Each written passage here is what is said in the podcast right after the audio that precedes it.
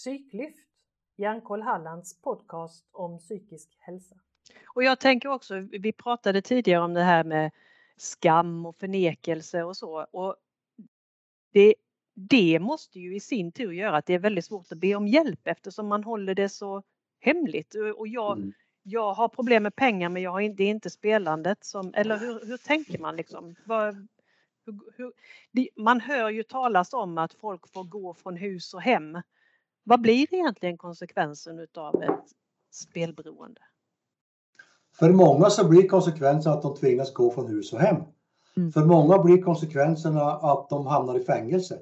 För många blir konsekvenserna att de kommer att hamna hos Kronofogden och få leva med, om de har tur, så får de skuldsanering och får leva på existensminimum i, i fem år. Mm. För många betyder det att de inte kan ta ett lån därför att de har så mycket skulder. Det för andra betyder att de inte får en hyreslägenhet därför att de har ingen ekonomi. Alltså det, det är en rad olika mm. saker som, som följer med det. Men, men, du har ju rätt i det att det där med, med skammen som de här personerna upplever är, är ju monumental. Mm. Eh, och precis som många andra personer som har problem med, med någonting så är ju skammen är också kopplad till ensamhet och isolering. Om man tror att man är ensammast i världen om att ha det problem man har. Mm. Och det leder ju i regel, det leder ju väldigt ofta till att man bara man mår bara sämre och så gör man mer av det beteende som har gjort att man har börjat må dåligt. Som, som man, man, man slutar ju inte och man har kanske inte andra verktyg att ta till för att hantera psykisk ohälsa. Utan då använder man sig av spel för att försöka mm. må så, så gott, så bra man kan. Men den här, just den här skammen, den går igenom som en röd tråd hos de som har problem med spel om pengar. Och den mm. går inte bara igen hos de som äger problemet, det vill säga spelaren. Det går också igen hos de anhöriga. De anhöriga tycker också att det här är väldigt skamligt. Det är skamligt att ha en, en anhörig som är skyldig pengar, att helt plötsligt så kommer möbel, möbelföretaget och hämtar hem alla möbler som man trodde att man hade betalat. Alltså det leder till en rad olika saker, att man inte har pengar att skicka med sina barn till olika aktiviteter. Så de anhöriga skäms också för det här. Mm. Och när vi då tittar specifikt på de anhöriga så ser vi att de mår minst lika dåligt som de som, har problem, de som äger problemet. Mm. Och de har parallella problem. Alltså de, har, de uppvisar samma eh, former av depression, ångest, oro, skam. Alltså, de har samma negativa konsekvenser sover dåligt. Alltså allt, allt är där. Men den här skammen gör ju att, att man också avhåller sig från att söka hjälp. Mm. Man, man upplever det svårt att söka hjälp och även att söka hjälp på så kallade lågtröskelstationer, alltså en anonym telefon, en anonym chatt eller något sånt.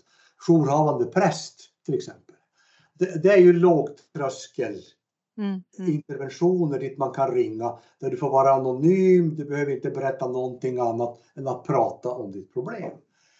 Så vad vi vet är ju att den här gruppen som skulle behöva stöd och hjälp, de söker den inte.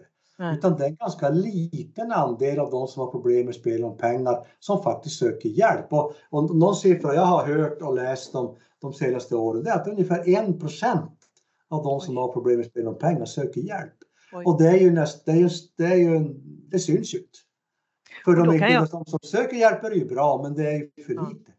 Och då kan jag tänka mig att man söker inte hjälp förrän man känner att man själv har tappat kontrollen. Nej. Stämmer det? Ja. Så är det. Och, men vad finns det för hjälp att få i ett, om man, om man liksom skulle söka hjälp i ett tidigare skede? Du nämnde några jourhavande telefoner och så man kan ringa men, men vad finns det mer för liksom konkret stöd och hjälp man kan få?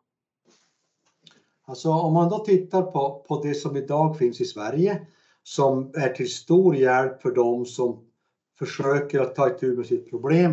Så en väldigt adekvat och viktig hjälp att skaffa sig det är att stänga av sig från alla spelbolag som finns i Sverige. Det finns en, en sajt som heter, som heter spelpaus.se där du med ett klick kan stänga av dig från alla de plus 200 webbsidor som finns som erbjuder spel i pengar. Så, pengar. Och det, mm. den sajten funkar. Alltså du, du får inte ett meddelande från de här spelbolagen som är anslutna till den här sajten. Och de är många. Mm. Det finns alltid de som missbrukar, det finns alltid de som, men du kan stänga av det från de, från de flesta. Det andra är att, att man har ju försökt att bygga upp ett lågtröskel eh, engagemang för att sprida kunskap och information. Och en av de viktigare som vi har i Sverige, det är stödlinjen för spelberoende och deras anhöriga. De finns på nätet och de tar emot telefonsamtal och de erbjuder chattmöjligheter. De har också ett självhjälpsprogram på sin webbsida som man kan börja, börja arbeta med. De som jobbar på stödlinjen, de är vana att prata med folk som har problem med spel om pengar, både spelare och anhöriga. Och de är också väldigt duktiga på att guida folk vidare. Mm. Och det, det de kan guida vidare till, det är exempelvis självhjälpsgrupper. Det finns en rad självhjälpsgrupper idag i Sverige, från norr till söder. Självhjälpsgrupper som erbjuder möten fysiskt, men också självhjälpsgrupper som erbjuder möten digitalt eller kombinationer av digitala och fysiska möten. Och, och skälet till digitala möten hänger egentligen inte ihop med, med, med, med covid-19. Utan det hänger ihop med att spel om pengar är ju ändå ett rätt sällsynt fenomen. Alltså 2% av befolkningen har problemet. Och de är ju inte samlade på ett ställe utan mm. de finns ju i Härjedalen, i Sveg, i Norrbotten, de finns på Gotland och på Öland. Alltså, det, och det är inte säkert att det finns adekvat hjälp att få på plats. Men du kan alltid få tag i en självhjälpsgrupp. Mm. Det, det, andra som ju finns är ju att du, det, det, tredje och det viktigaste det är ju att du kan gå till socialtjänsten. Från, från 2018 så är spelberoende inskrivet i socialtjänstlagen. Och det betyder att du kan ansöka om bistånd för att få hjälp. Och får du då bistånd för att söka hjälp, då kan du få bistånd till allt ifrån öppenvård i din egen hemkommun eller öppenvård i en annan kommun eller ett behandlingshem. Och det finns några behandlingshem i Sverige som är duktiga på att arbeta med, med personer som har problem med spel om pengar. Så det finns en del saker utspritt mm. som jobbar med det här. Men om du frågar mig så tycker jag att det är för spretigt det är för osystematiskt och det är framförallt inte kopplat till primärprevention. Alltså, det är egentligen ingen annan än sådana som jag och mina närmaste som, som lever i den här världen som gör reklam för de här olika sakerna som finns.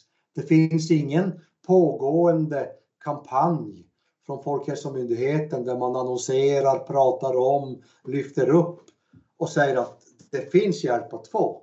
Mm. Det sker då och då, men det är inget, om du frågar mig så är det inget långsiktigt arbete utan väldigt sporadiskt. Mm. Kommunerna som då ska göra det här så är det förstås så att i många kommuner så görs det ett briljant arbete.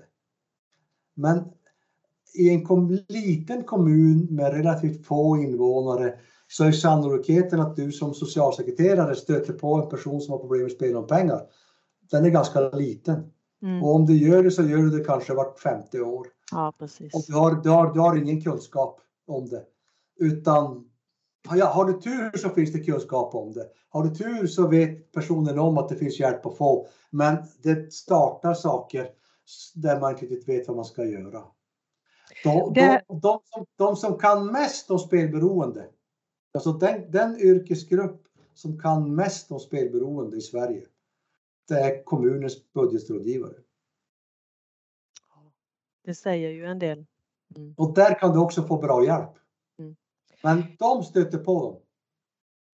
Du, du, nämner ju att man kan ansöka om bistånd hos socialtjänsten för att sen kunna söka hjälp. Kan en närstående eller anhörig också ta kontakt med socialtjänsten och söka för, för någon nära?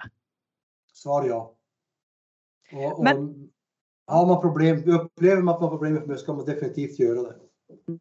Var, du, du, har nämnt ett antal eh, riskbeteenden så bland annat då att man eh, känner att man behöver eh, vinna tillbaka pengar man har förlorat, att man lägger mycket tid på spel och så. Finns det fler tidiga tecken som man som både som eh, riskperson men också som närstående kan vara uppmärksam på?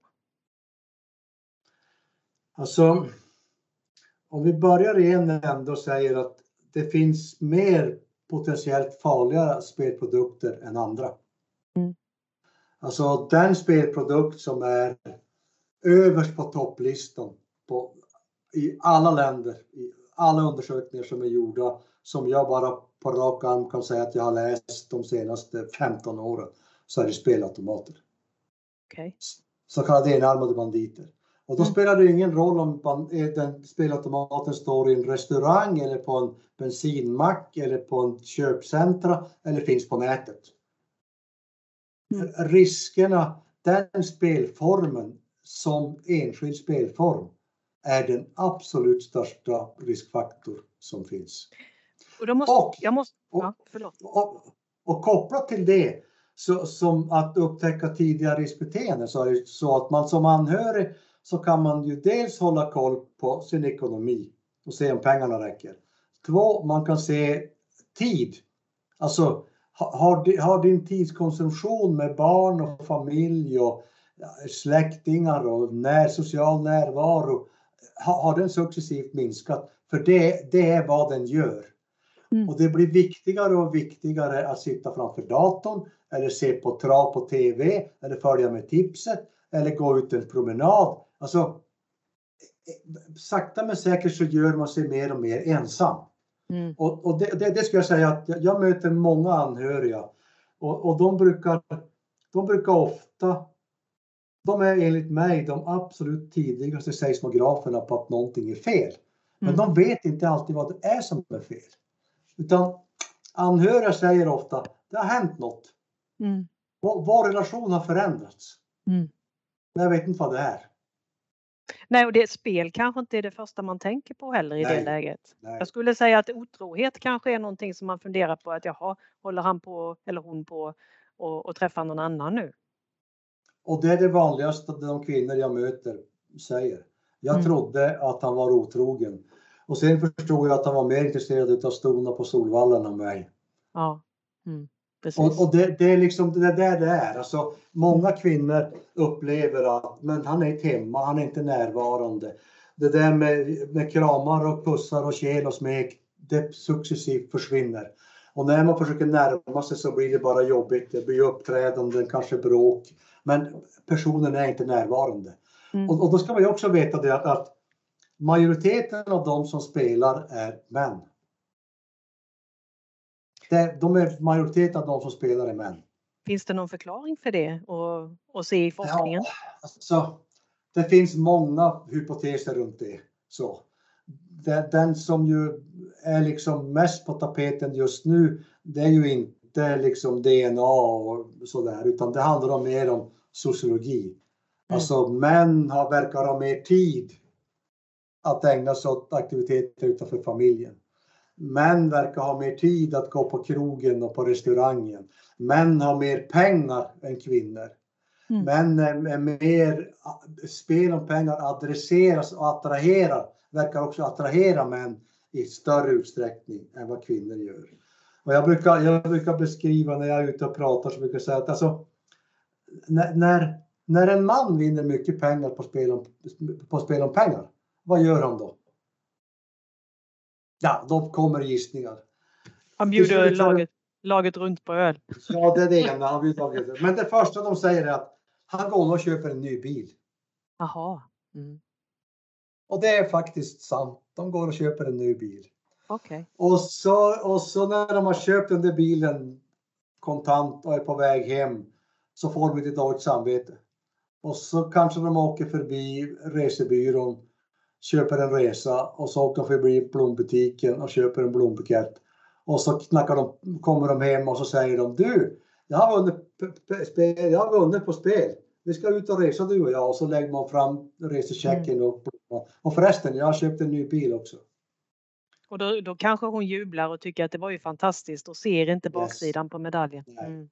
Men när kvinnor mycket, en, en sista sak, när ja. kvinnor mycket, vinner mycket pengar på spel, vad gör de? Ja du, vad gör de? De sparar kanske eller köper aktier Ja, ja. eller något. De går på banken och betalar av sina lån. Och Ja. så, sätter, öppnar de ett, så öppnar de ett konto för sina barn. Och så går de möjligen på rea och köper sig en billig klänning och så far de hem. Ja. Alltså det, det är ganska, det är olika. Det, det här är ju väldigt grovt och väldigt liksom svart och vitt. Men Mm. det ligger väldigt mycket sanning i det. Och det här, den, den, den här skillnaden i att kvinnor inte, framförallt inte spelar så mycket som män gör. De är inte, de är inte lika mycket i, i fokus för reklam och marknadsföring som män är för spel om pengar. Gör ju att kvinnor inte riktigt tänker. De kanske tänker alkohol. Mm. Men de tänker inte spel. Nej. Och de kanske tänker att mm, det är kanske jag som behöver piffa upp mig. För han är väl otrogen. Mm. Så spel om pengar kommer ganska långt ner på listan. Ja. Ja. Och, och, och, och de här kvinnorna som jag då har mött som har varit anhöriga, de alla de kvinnorna har ju inte fattat ett enda beslut som har lett fram till ekonomiskt ras och morän. De har varit helt ovetande om vad som har pågått. Så det blir en chock för dem. Katastrof blir det. Mm, mm. Ja, det här är ju eh, tragiska fakta som du presenterar, men jag, jag måste ställa frågan. Alltså, av allt det som du har berättat nu med, med Svenska Spel och hur det kom till och att staten behöver tjäna pengar och online och allt det. Är det inte märkligt att man får lov att göra reklam för sånt här som, som lockar in människor i fördärvet? För om jag lyssnar på en reklamradiokanal till exempel så i varje paus så är det åtminstone två inslag som handlar om spel. Och jag måste säga att jag är förvånad. Hur, hur kommer det sig? Alltså hur kan man inte förbjuda sånt här? Grundprincipen är att spel om pengar är lagligt. Mm. Det, det andra är ju att de spelbolag som idag finns i Sverige, de betalar ju en dyr licens som de köper av staten för att få tillstånd att bedriva spel om pengar i Sverige. Och dessutom betalar de skatt på, på, sin, på sitt bolag som, som, de, som de har betalat för att få starta i, i, i Sverige. Och rent krasst kan man säga att det, det, det finns ju ingen verksamhet oberoende av vilken det är som betalar för att få starta, som betalar skatt för det man gör, som också startar det om man inte får göra reklam för det. Så att det här, de där tre sakerna hänger som ihop. Det är lagligt, de betalar för det och så vidare. Men vad som har hänt är ju att, att staten har ju rejält skruvat åt tumskruvarna för spelbolagen i hur man får marknadsföra sig och vilken typ av reklam man får, får göra. Och det som, det som förmodligen kommer att hända de närmaste två åren är att den kommer att skruvas upp ännu mer. Mm. Eh, Så att det kommer att bli tuffare och tuffare för spelbolagen att göra reklam för sig. Ehm, Och, och, och det, det, det tycker jag är bra. Därför att spelreklamen är ungefär som alkoholreklamen. Den är ju, den är ju bara utav ondo. Mm. Skillnaden mellan Systembolaget och spelbolagen är ju att spelbolaget är ett monopol. Mm. Idag så har du 90-100 speloperatörer som konkurrerar på den svenska spelmarknaden. Du Och menar de, att de, gör, de, de gör inte det om de inte får göra reklam för sig. Systembolaget är ett monopol. Jag tror du sa Ja, spelbolaget. Ja, Nej, nej. Alkohol, alkoholen är ett monopol. Så Ja. Systembolaget är ett monopol som ägs av staten. Mm. Eh, Så, så där, där, har ju, där har ju staten betydligt mer kontroll över det. Även om man då, som jag tycker, har lättat för mycket på alkoholreklam. Man, Mm. man, man, har, eh, man har liksom skruvat upp låset för en hel del alkoholreklam som Mm. inte jag tycker är speciellt, så ur mitt perspektiv inte är speciellt bra. Nej. Och samma sak är det med spel. Att jag, jag skulle helst vilja vara utan reklamen för spel. Men vad som har hänt är ju trots allt att de där den spelreklam som, som vi vet genom forskning och genom kliniska erfarenheter har varit mest arbetsam och jobbig, den är borta. Vi vet att, att reklam där man berättar om bonusar exempelvis Mm. Den, den reklamen vet vi är väldigt riskabelt och triggar människor att spela mer. Mm. Och den reklamen är borta, så du får inte göra reklam för bonusar. Idag så när du gör reklam på bild och så där så måste du ha med människor. Du får inte ha med barn. Det måste vara miljöer som är så neutrala eller kopplade till spel som bara möjligt. Så det har hänt ganska mycket. Men, men det kommer att skruvas åt ännu mer och det tycker jag är bra. Mm, absolut. Om man nu misstänker att någon i ens närhet har problem med spel, vad ska man göra då? Om det vore någon som, någon hen som ringde till mig och sa jag misstänker att den jag bor tillsammans har problem med spel om pengar. Då, då, det, då startade en massa saker i mig och jag skulle vilja hålla långa föreläsningar om ditten och datten. Men jag tror, eller jag vet att det första jag skulle säga är spärra alla dina bankkonton. Ja. Spärra alla, dina, alla era gemensamma bankkonton. Spärra dem. Se till att din lön hamnar på ett konto som den person du bor ihop med inte kommer åt. Se till att din, den person du bor ihop med inte kommer åt barnens bankkonton. Spärra rubbet. Mm. Tills du vet. För om du spärrar rubbet, då kommer du att få veta. Precis. Mm. Då kommer du att få veta. Så spärra, spärra dina konton. Två, Mm. ring, ring stödlinjen för spelberoende och börja, börja berätta och börja prata. Och där kommer du förmodligen att få tips om att, att ansluta dig till eller pröva att gå på, i- på en skärgårdsgrupp för anhöriga. Mm. Mm. Börja där. Mm. Och, Och- ja. se till att du har det bra. För om inte du orkar med det här, då kommer inte den du bor med heller att orka med det. Nej. Och du är inte ansvarig för, för den personens spelande. Det är ett beslut du inte har fattat utan det är ett beslut som är fattat av någon person du litar på och du Mm. har inte haft insyn i det beslutet. Mm. Det är inte ditt fel. Viktigt att höra. Till slut då, vad ser du skulle vara den viktigaste åtgärden för att få mer primärprevention i samhället? Pengar. Alltså, det, det, jag svarar snabbt på det därför att det, det är pengar som saknas.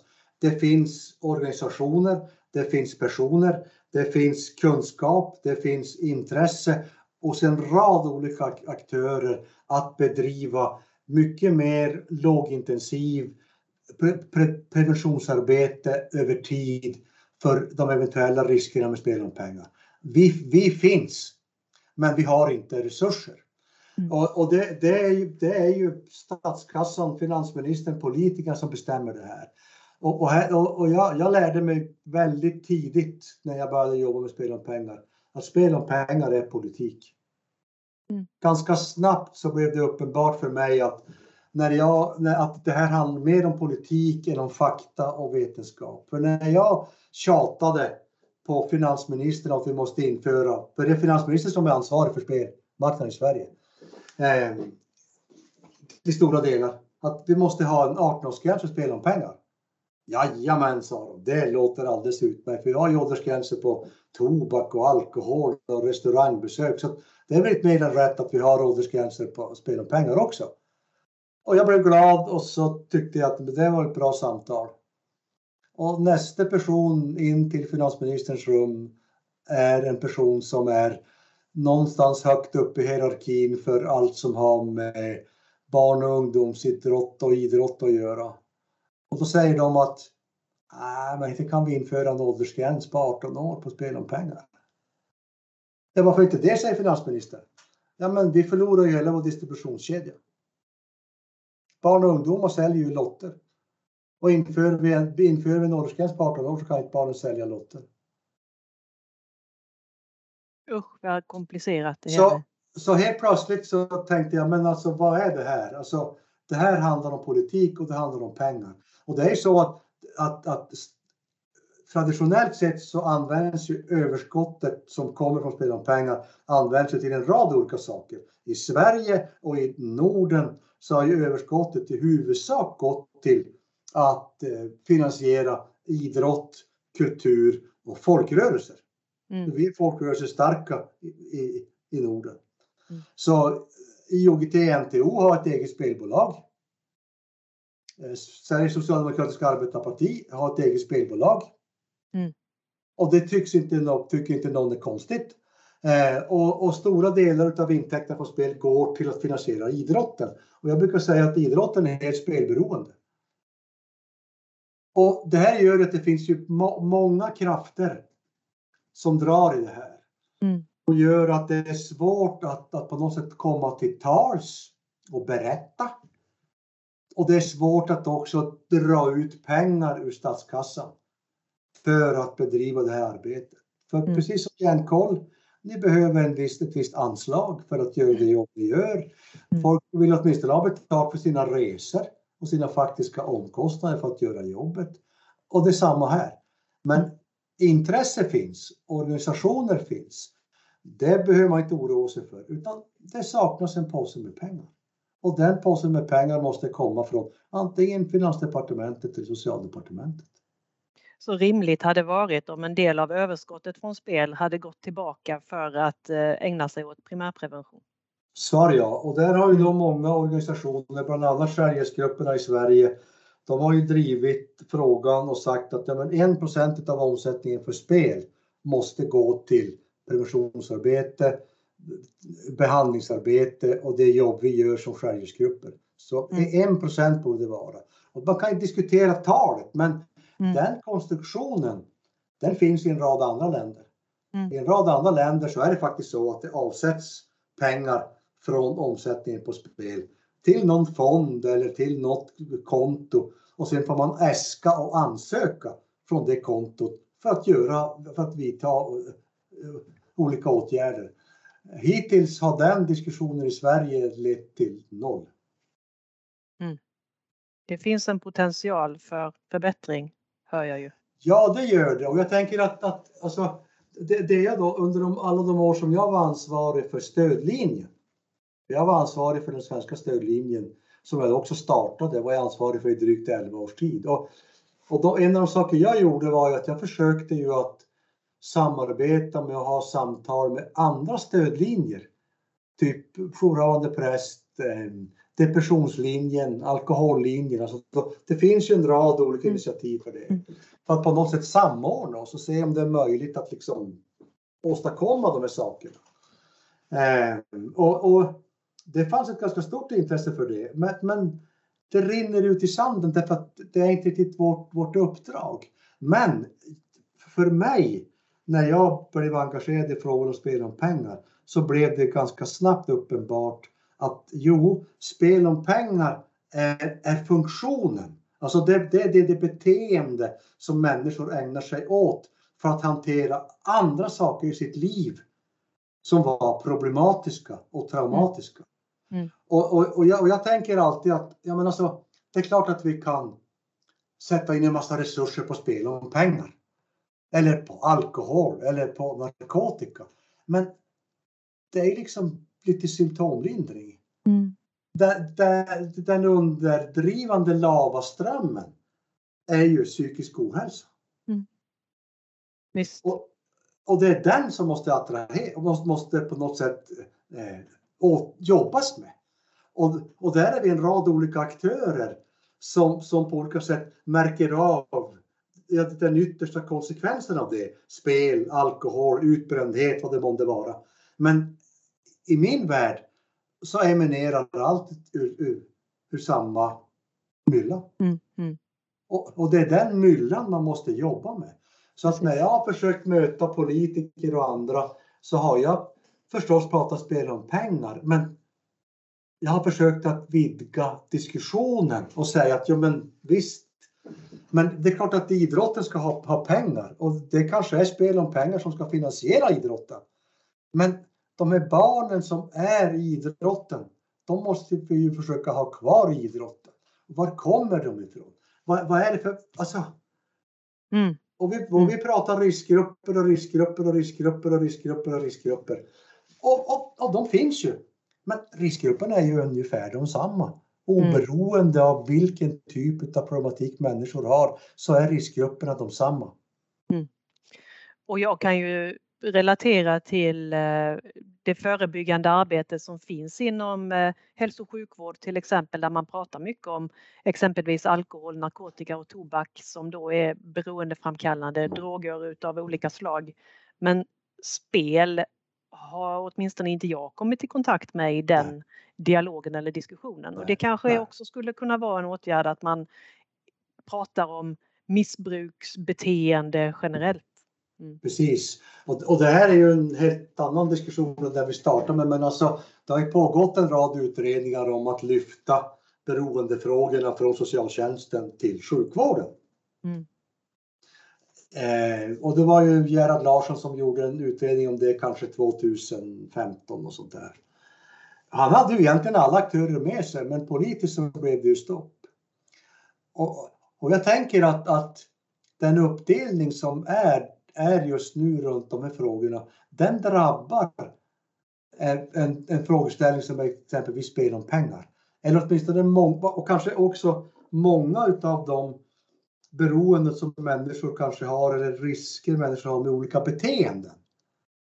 Därför att de, de här personerna kommer ju till hälsocentralerna. Mm.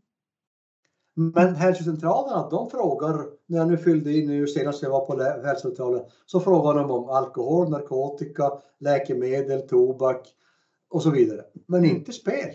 Nej. De frågar heller inte om jag har bekymmer med, med, med, med andra beteenden, typ sex eller mat eller så. Det, det kommer inte heller upp. Därför att hälsocentralerna på något sätt, ja men alkohol och så, det har ju, det har ju betydelse för medicinering till exempel. Mm. Alltså det är ett adekvat problem även för, för hälsocentralen. Dricker du för mycket så blir det svårt med medicinering. Vad ska vi, alltså, funkar det? Mm. Eh, medans, och det är av det skälet de egentligen frågar. Därför att problematiken, den ligger på socialtjänsten. Mm. Och så går man inte vidare. Och möjligen anmäler man om man upptäcker barn som far illa och sådär. Men det andra struntar man i. Mm. Mm. Och där tror jag att Gerhard Larsson har en poäng. Det vill säga skulle man lyfta det här området in till hälsocentralerna eller till sjukvården.